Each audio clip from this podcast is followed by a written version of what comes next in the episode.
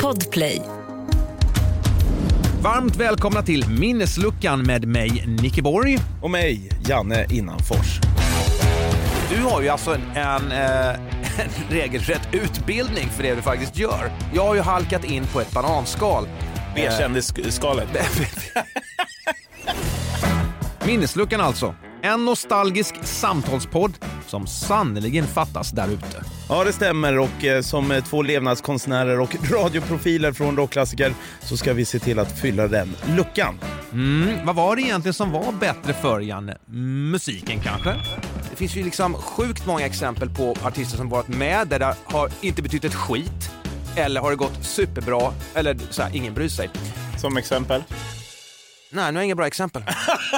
Men jag kan säga så här. Men det är så. att Hade jag inte gjort Mellon så hade Ralf Gyllenhammar inte fått fart på sin solokarriär. Men jag tänker att vi även djupdyker i din rockstjärnekarriär, Nicke, som eh, har en mindre smickrande baksida kan man säga. Eh, där var jag var på den tiden jag själv drack då, då. Så jag var så otroligt bakis så jag var tvungen att gå och lägga mig i en soffa och somnade medan Joe Ramone står och gör sångtagningar på en låt som jag har skrivit. Fruktansvärt oseriöst. Ja, det är tur att vi tar podden seriöst åtminstone. Och att det samtidigt gäller att ha ett stort lass med självdistans. Häng med backstage och in i logerna från alla världens hörn. Det är knappt jag tror på denna galna kuriosa själv. Låter det som att det var för jävla sjukt så var det ännu värre. ja. Ja, den är helt sjuk. Minnesluckan med mig, Nicke Borg alltså. Och mig, Janne Innanfors.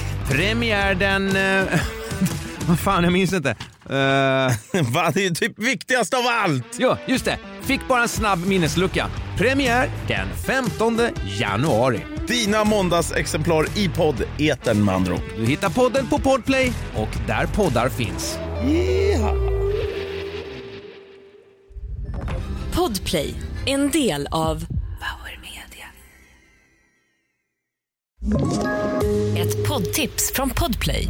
I fallen jag aldrig glömmer djupdyker Hasse Aro i arbetet bakom några av Sveriges mest uppseendeväckande brottsutredningar. går vi in med hemlig telefonavlyssning och, och då upplever vi att vi får en total förändring av hans beteende. Vad är det som händer nu? Vem är det som läcker?